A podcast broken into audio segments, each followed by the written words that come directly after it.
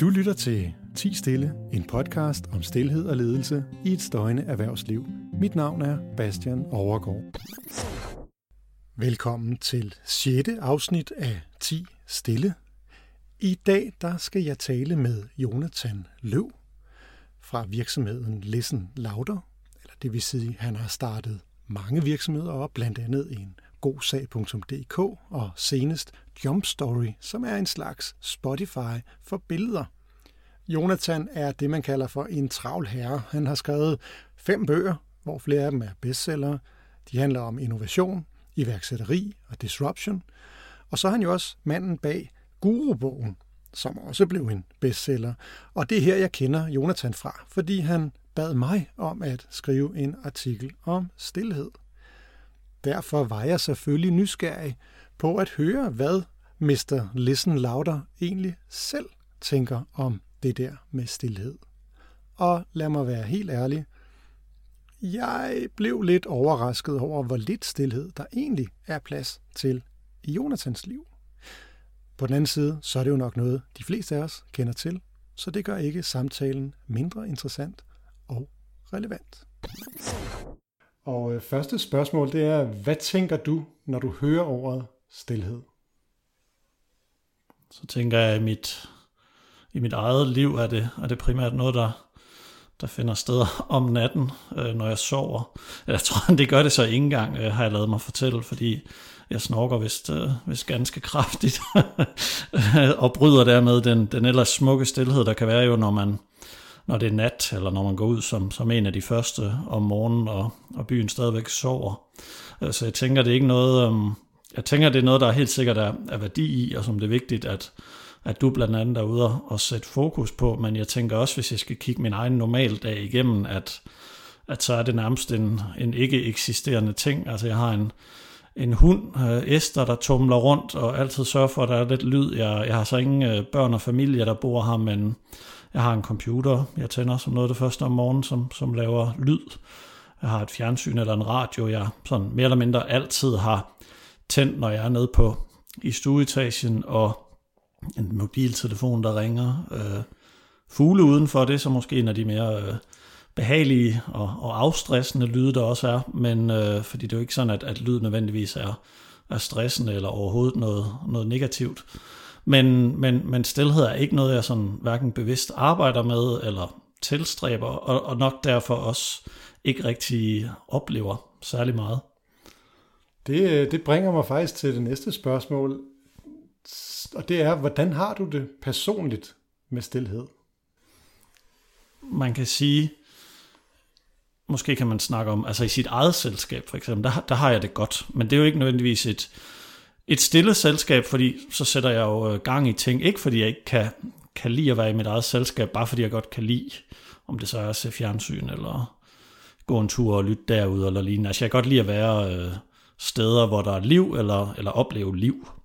Øhm, man kan sige, på en, på en første date, som jeg også har prøvet at være på nogle stykker af, der, der er der nok sådan en, et ret akavet forhold til, til stillhed. Der er det helst noget, man vil undgå, hvor jeg vil sige med mine bedste venner, det, det er sjældent, det, det er der, øh, fordi vi laver ting sammen og er aktive, men der kunne det fint være der øh, endnu mere fint, vil jeg sige, med mine forældre. Øh, der er jo sådan en, øh, jeg, jeg tror nærmest, det kræver sådan en vis form for ro eller ro i relationen, før at man sådan synes, det er socialt acceptabelt. Så der har jeg det, der har jeg det sådan, som jeg tror mange har det med, med stillhed, at desto bedre man kender det andet menneske, desto mindre akavet vil det opleves. Så derfor kan jeg også forestille mig, når du er ude ved, ved virksomheder eller folk, du ikke kender så godt, og tit er det også sådan på en arbejdsplads, man nødvendigvis ikke kender sine kolleger særlig godt, så kan det opleves øh, ret akavet. Altså jeg kunne ikke, jeg, jeg kunne godt forestille mig i min gamle virksomhed, hvor vi var en del medarbejdere, at hvis vi sagde, nu sidder vi så og, og spiser i stillhed, så vil det nemt blive sådan kunstigt, i hvert fald i starten. Og, og jeg kan huske, at på et tidspunkt i mit liv, hvor jeg var, hvor jeg var meget stresset, øh, læste om, at man kunne tage til Paris til en munk, jeg tror hedder Chitnit Han eller noget, den dur, mm. som jeg havde læst en, ja. en bog af, der hed Fred og Vejen, og, og der kunne man tage ned i sådan en refugium, og så gå en uge i stillhed. Og der tænkte jeg nok sådan en blanding af, at det kunne godt være, at det ville være sundt, men det lød godt nok også på en eller anden måde absurd. så det gjorde du ikke? Jeg kom aldrig af sted. Øh, jeg, jeg tror, det kunne have været spændende, men jeg tror også, jeg tænkte, at, at det måske også ville være en form for, for selvpineri, jeg ikke havde behov for at udsende mig selv for.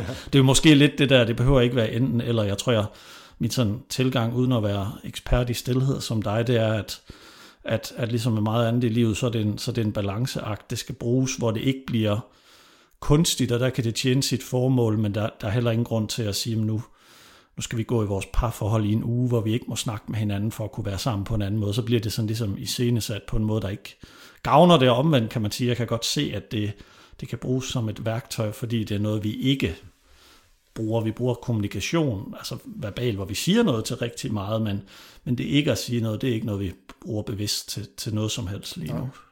Okay. Ja, inden vi går videre til allerede til spørgsmål 3, det går rigtig godt, øh, så vil jeg bare lige sige, at der er undersøgelser, der viser, at hvis du sidder i stillhed og kigger et andet menneske i øjnene, jamen så vil der opstå følelsesmæssig øh, forbindelse. Altså øh, at der er virkelig øh, mange eksperimenter, hvor folk næsten bliver forelsket i hinanden ved at sidde og kigge hinanden i, i cirka fire minutter. Så, så det der med den der akavede stillhed til første date, det kan jo bruges effektivt, hvis man går ind i det øh, bevidst. Men, øh, men nu skal vi jo ikke tale om privatlivet, det er jo øh, det mere øh, arbejdsrelateret, vi, øh, som jeg arbejder med i forhold til stillheden.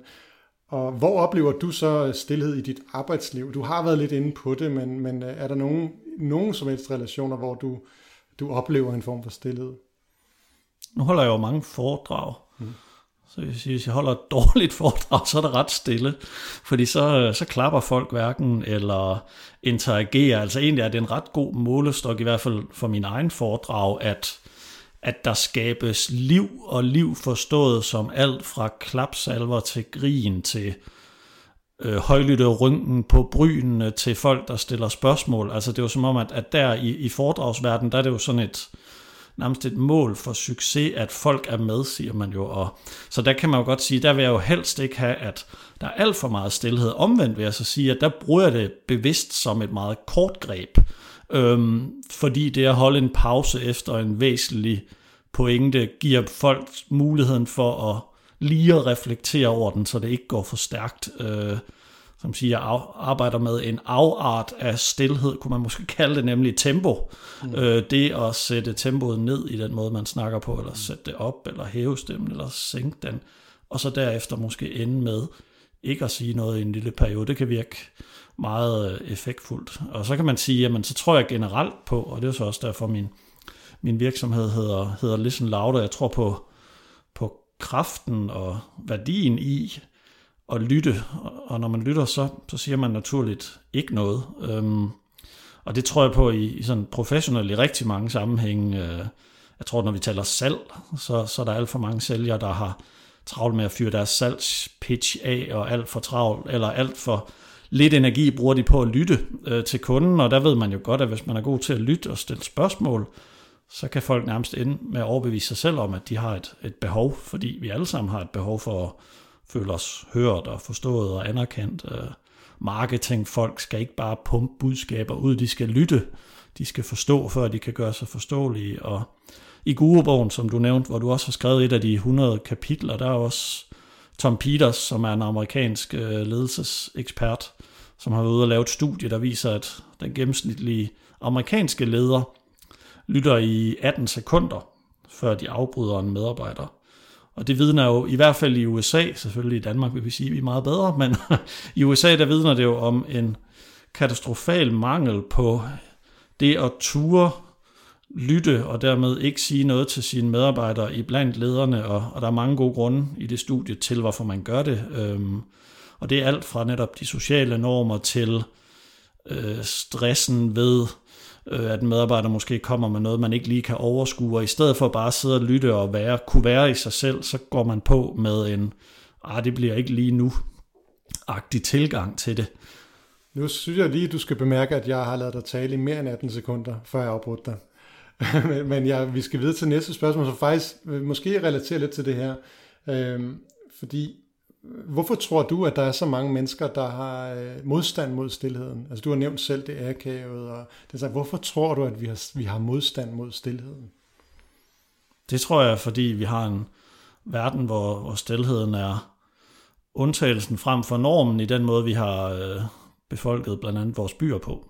Øh, man kan sige, hvis man, øh, vi beskæftiger os jo i, en, eller befinder os jo i en ret hektisk verden, den vi også er i. Altså hele businessverdenen er jo som per definition travlt. Øh, for travlet vil nogen nok også sige. Og, og en del af det er jo, at der foregår rigtig meget kommunikation. Hvorimod hvis man øh, tog ud, jeg kan huske på et tidspunkt, så tog jeg en måned sammen med en daværende kæreste til indlandsisen i, ved Grønland og boede i en teltcamp, og der var os og tre andre par, og så nogle muskusokser. Og muskusokserne og så den flod, som øh, strømmede fra, fra indlandsisen, det var, den lyd, det var de lyde, der var. Og, og det giver jo en, øh, en ro og stillhed, hvis man tør være i den der. Men det er jo ikke sådan, de fleste mennesker lever, og så vender vi jo tilbage til en kultur, hvor, hvor stillheden som sagt er, er undtagelsen, og, og derfor tror jeg, at man øh, bliver vendet til at, at søge væk fra den, fordi den på en eller anden måde føles øh, forkert og, og unaturlig øh, i langt de fleste øh, sammenhænge. Plus, jeg tror også, man tænker måske sådan produktionsmæssigt, sige, at man, hvad nytte skal det da gøre? Lidt ligesom det efterhånden nærmest er sådan, jamen, hvad nytte skal det da gøre at holde pauser? Øh, altså, vi skal jo være effektive, eller jeg så også en eller anden artikel for nylig om, at, at ledere bruger ferien øh, til at være på forkant med, der, hvad der skal ske efter ferien. Det vil sige, at de bruger ikke ferien til at holde ferie. De bruger den til noget andet. Og jeg tror lidt, den der instrumentalisering af tingene, at de skal tjene et formål alle sammen, øh, den rammer meget hurtigt stillhedsbegrebet, og jeg vil også tro, du bliver spurgt, om hvis vi skal, og skal sikkert også argumentere ud fra det, øh, hvis, hvis vi skal bruge stillhed i møder, eller til events, eller i hverdagen, hvad skal vi så opnå med det? Altså det er jo det her Svend Brinkmann, han i sine to bøger, Ståsted og Stå Fast, vender sig imod og siger, at man, noget har også bare en iboende værdi. Det at være stille har også bare værdien at sidde og være stille. Og det er nok. Men sådan tror jeg, vi har i businessverdenen meget svært ved at acceptere, at tingene de kan være nok i sig selv. Ja. Og det er så, så interessant, du siger det. Jeg har lige, nu har jeg lige været ude og holde kursus her i, i Aarhus, og hvor der var en, en deltager, der fik en aha-oplevelse, fordi at han, han tænkte jo det her det med stillhed for effektivitetens skyld og så videre. Men det gik op for ham, at, at, at stillheden i sig selv faktisk også har en værdi. Altså, men, men, ja, men vi kan jo i tale sætte det som, at stillheden skaber fartbump i en samtale, som jo, og det ved de fleste jo, at, at, at utrolig mange møder ryger ud af alle, alle mulige tangenter, som koster rigtig mange penge, bare i den tid, som vi bruger på at ryge ud af dem, men også i de misforståelser og den uh, information overload, der kommer på møder, der kunne have været helt ind til kernen. Der kan man jo bruge stillheden til det. Uh, men det var en aha for ham, at, at det var ikke fordi, vi skal noget i den stillhed. Det, det er bare at være stille, gør faktisk en, en, en kæmpe øh, forskel for, for resten af vores øh, kommunikation, vores møde, vores relationer. Ja, der er også nogle ting, hvis du instrumentaliserer dem, så fungerer de ikke. Altså hvis du siger, at du sætter dig ned og mediterer for at slappe af, så kommer du ikke til at slappe af, fordi så er dit fokus hele tiden, at det er formålet med det, og så sker det ikke. Og jeg tænkte lidt det samme, hvis man siger, at man skal være stille netop for at slappe af, eller for at reflektere, så sidder man er så fokuseret, så jeg tror, det bliver noget med at ture. Sådan vil jeg i hvert fald, hvis jeg skulle bruge det noget mere aktivt, så vil jeg tænke, at jeg skal bare ture og bare være stille der, uden at det behøver at tjene noget formål, og så ligesom erfare, hvad det er, der sker. Og hvis jeg så erfarer, at det virker, så giver det god mening at gentage det, men det kan måske ikke rationaliseres på samme måde som at producere en forretningsplan. Altså det, det er ikke lige så nemt oversæt bare for ledere. Så kan man måske, måske noget af det, der kan tale for, det er jo, at hele den her stress og depression, så forjagede kultur tyder på, at der skal gøres et eller andet. Så det, men igen bliver det nemt sådan et instrumentalisering af, at så skal vi til at holde pauser i møder eller på arbejdet, for ikke at blive stresset, og så kan man igen sige, så sidder man nok bare og bliver stresset af, at man, man skal vente med at snakke i to minutter, for så er der jo, hvis mødet er en time, så har du jo spildt, men nogen nok tænkt to minutter af mødet med at sidde og være stille. Hmm. Præcis. Så det svarer lidt til, at man, man synes, man spilder den der hvide væg, der er rundt om uh, Picasso-billedet uh, på, på et museum. Hvorfor fylder vi ikke en masse billeder lige rundt om? Præcis, jeg kan huske, at jeg skrev i mine unge år en, biografi om musikeren Paul Krabs, da jeg var 20 år gammel, og han havde skrevet en sang den gang, som, hvor han sang, jeg kunne ret godt tænke mig at spille min tid ud over dig. Fantastisk. Jeg kan huske, at jeg var så glad for den formulering, fordi netop i, i privaten, der kan vi jo godt se værdien i måske bare at sidde og være sammen og hmm. sidde og holde i hånden og ikke lave så meget andet. Det, det, det, den, den værdi har vi ikke helt måske indset endnu på arbejdet. Ikke? Vi skal sidde og holde i hånd med hinanden, så bliver det nok lidt kaospilotagtigt. Men, og det siger jeg med stor kærlighed i stemmen, jeg har selv arbejdet der. Men måske mere sådan, at det kunne godt være, at de der pauser, uden at vi er kalkulerende på dem, bare har en værdi i sig selv. Og det har de, kan jeg så godt se fra mit arbejde. Men, øh, men vi haster videre, fordi vi skal jo nå noget, vi skal være effektive her. Ikke? Øh, så, så vi er faktisk øh, til spørgsmål nummer 6. Og øh, der vil jeg gøre dig ekspert i stillhed. Så, så Jonathan, hvad, hvad tænker du, der sker, når vi er stille sammen? Altså frem for bare at være stille alene ude i en skov, eller, eller på et eller andet uh, silent retreat. Hvad sker der, når vi er stille sammen? Så bliver det enten stærkt eller akavet, tror jeg. Lidt øh, tilbage til før, alt afhængigt af, hvem vi er, hvem vi er stillet med. Og så tror jeg også, det er noget med træning. Jeg tror faktisk, det er lidt ligesom at meditere, at jeg kan huske, at da, da jeg gjorde det meget, så kunne jeg mærke, at efter jeg havde gjort det noget tid, så fik jeg væsentligt mere udbytte ud af det, end i starten, hvor det føltes kunstigt og påtaget. Og jeg vil tro, hvis jeg skulle begynde at bruge det i starten, så ville jeg også føle, at det føltes kunstigt og påtaget næsten lige meget, hvem det var sammen med. Mm. Men hvis det så bliver en del af ens kultur og noget, man gør, så begynder det at kunne noget andet. Øhm, og sådan tror jeg, det er i de fleste. Altså, nu har jeg flest drengevenner, og det er ikke sådan noget, mænd de gør sammen, tror jeg, bare sidder og være stille. Men det kunne jo være, at det skulle være noget, de skulle til at gøre. Og jeg tænker, det samme ledere. Det er ikke sådan noget, ledere de siger ikke, nu skal vi lige sidde og være stille to minutter. Men det er jo bare en dogme, der kan, der kan ændre sig. Hvis det giver mening at ændre det, så bør vi jo ændre det. Ja, og samtidig er det jo interessant med de mænd, fordi at, at der er jo den her, den her kliché med, at mange mænd synes, at kvinderne skulle være lidt bedre til at tige stille. Så at, at mændene bryster sig af at være gode til at være stille i forhold til kvinderne. Og man ved jo bare, at mænd er jo forfærdeligt dårlige til det i parforhold. Jeg er jo selv en af dem, fordi jeg også måske er iværksætter, som er meget handlings- og løsningsorienteret. Så hvis jeg har en kæreste, og hun beskriver et problem, så går jeg lynhurtigt over i at løse problemet. Der kunne det være, at jeg skulle træne i bare være stille, og så mærke effekten af det. Det var en rigtig god idé. Du skal bare listen louder, Jonathan. Jeg er ved at blive ren øh, Martin Østergaard, kan jeg godt høre parterapeut her. Ja. ja. Så, så hvad, hvad tænker du, hvordan, hvordan, øh, hvis nu du var i mine sko, hvordan, hvordan vil du gøre stillhed til en del af en arbejdskultur? Jeg tror lidt, som jeg var inde på før, det er rigtig meget det her med, at næsten uanset hvilket produkt, service man sælger, og i den her forbindelse er stillhed jo også en service og et produkt, du er ude at sælge, så øhm, har de fleste et problem, eller en del problemer i deres virksomhed, som de vælger ikke at gøre noget ved. De ved godt, de har dem, men, men de gør ikke noget ved dem. Og det tror jeg er den største udfordring for mange. Også ledere, de ved også godt, der er nogle problemer i deres organisation, men de har den tid, de nu føler, de har, og de føler alle sammen, de har travlt, sådan det synes jeg nærmest alle ledere, de snakker om lige nu, øh, inklusive mig selv. Jeg synes også, jeg har meget travlt, så nu arbejder jeg med innovation, og der vil mange så sige, det vil vi gerne. Og så laver vi et foredrag eller en workshop, og så rammer hverdagen, og så får vi ikke gjort så meget ved det, for det har vi ikke tid til. Jeg vil tro det samme, hvis jeg sad i en ledelsesposition og, øh, og sagde, nu skal vi også til at indføre noget stillhed, fordi det giver mening, og jeg ved det, Bastian har vist mig nogle studier, der underbygger, at det er godt for hjernen, det er godt for teamwork, det er godt for alle mulige ting.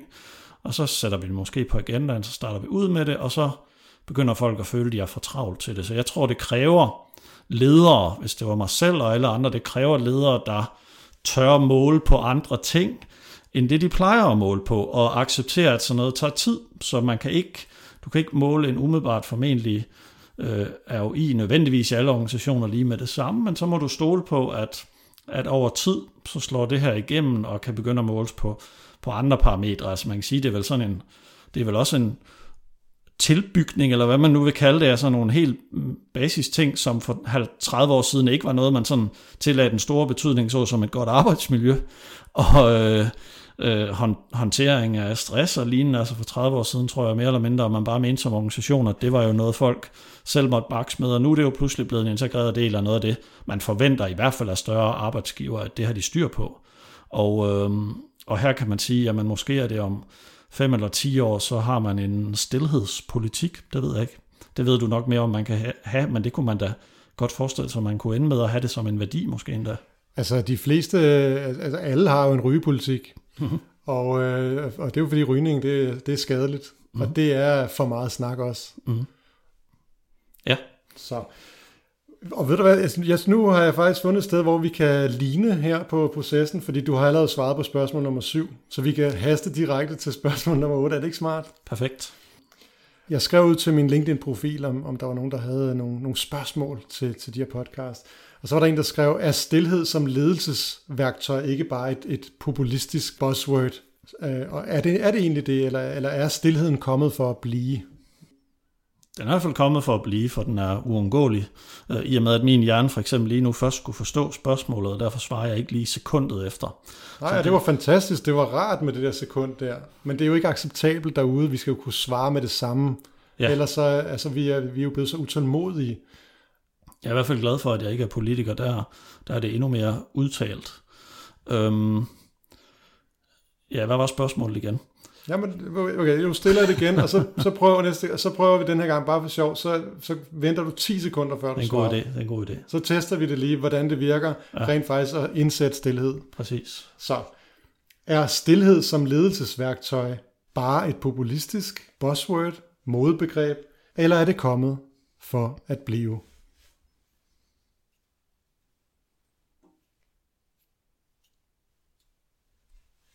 At man ikke kunne se, at det var at Bastian, han talte lige for mig, fordi ellers var jeg sikkert begyndt at svare, svare hurtigere. Øhm, det er sjovt med de der ord, hvor hvis der er nogen, der begynder at bruge dem meget, så er der altid nogen, der vender sig imod dem. Øh, stilhed er ikke noget dertil nu, men jeg, jeg arbejder meget med disruption. Og, og folk er ved at kløjs i ordet disruption. Øhm, og på den ene side, så er jeg nødt til at være forstående, fordi hvis man bare går ud og siger, at det er jer, der ikke har fattet noget, kom nu ind i kampen, så vender folk sig imod en, og så bliver man upopulær. Så man skal først ligesom lytte, og så prøve at forstå, hvorfor er det folk synes, de har fået for meget af det. Det, det er jo nødt til at, både er det det, jeg tror på, man skal gøre, men det er også, man er nødt til at gøre det.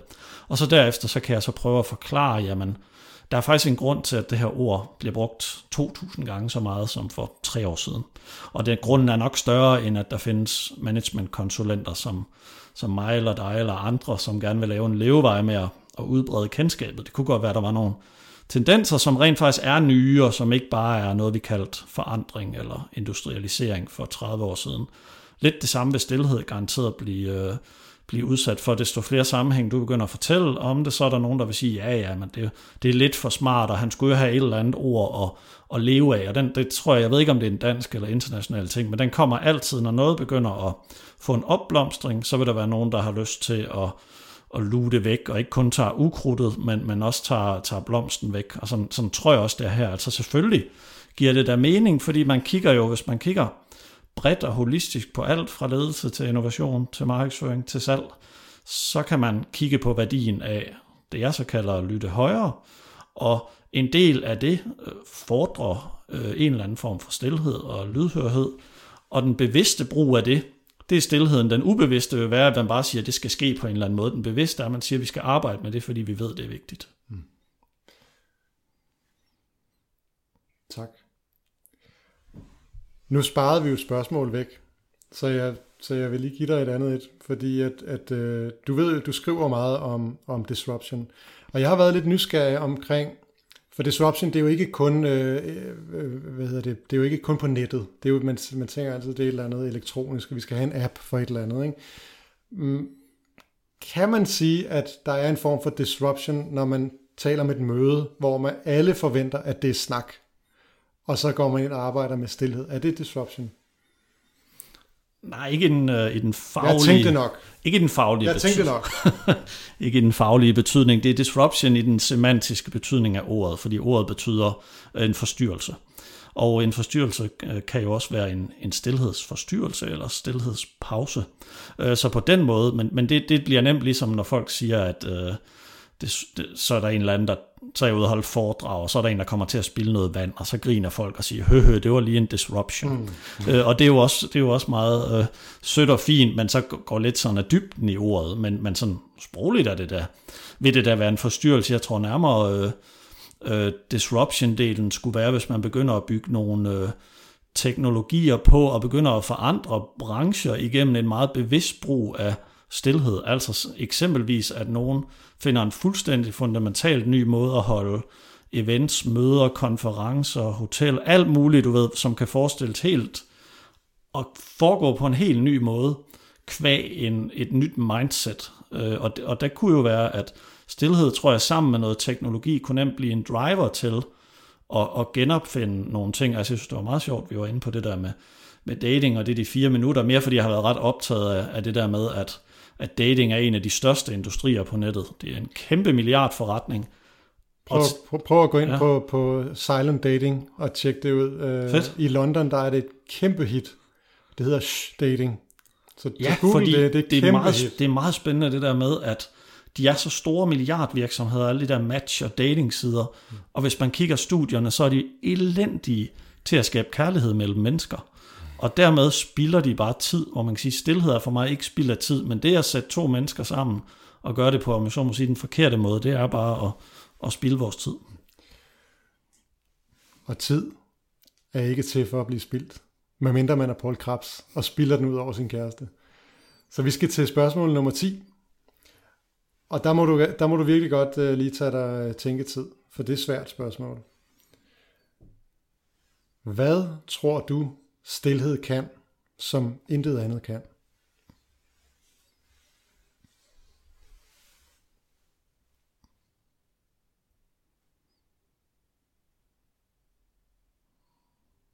Jeg tror, det kan skabe... Jeg tror, det er en nødvendighed for refleksion og forståelse. Altså, du, du kan sidde i en samtale, og så kan du prøve gennem ord og sprog at overbevise den, du sidder overfor om, at du har ret. Og så vil du opleve, at i hvert fald i sådan nogle, lad os bare tage et forfærdeligt program som det er debatten, øh, vil man opleve, at, at det eneste folk står der, det er, at de laver sådan en mærkelig macho øh, teaterspil, som i det gamle Rom, hvor de, hvor de krydser klinger med ord, og ingen står der for at lytte, og der er aldrig stillhed. Og jeg tror, de går derfra og er lige så dumme, eller lige så ensporet, som da de kom. Og jeg tror, seerne er på samme måde, fordi man ikke tør give rum til det. Fantastisk. Hvad går du fra det her interview med? Altid når man snakker om, om noget, så prøver jeg altid at, at tænke om, hvad, om jeg kan omsætte det til noget bagefter, fordi jeg nu er handlingsmenneske.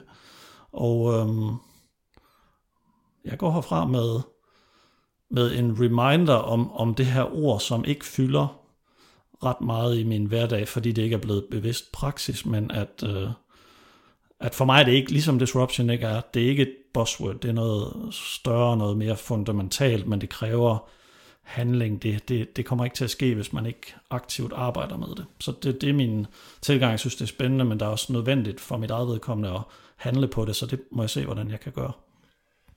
Tusind tak, Jonathan Løv, fordi jeg må tale med dig om stillhed.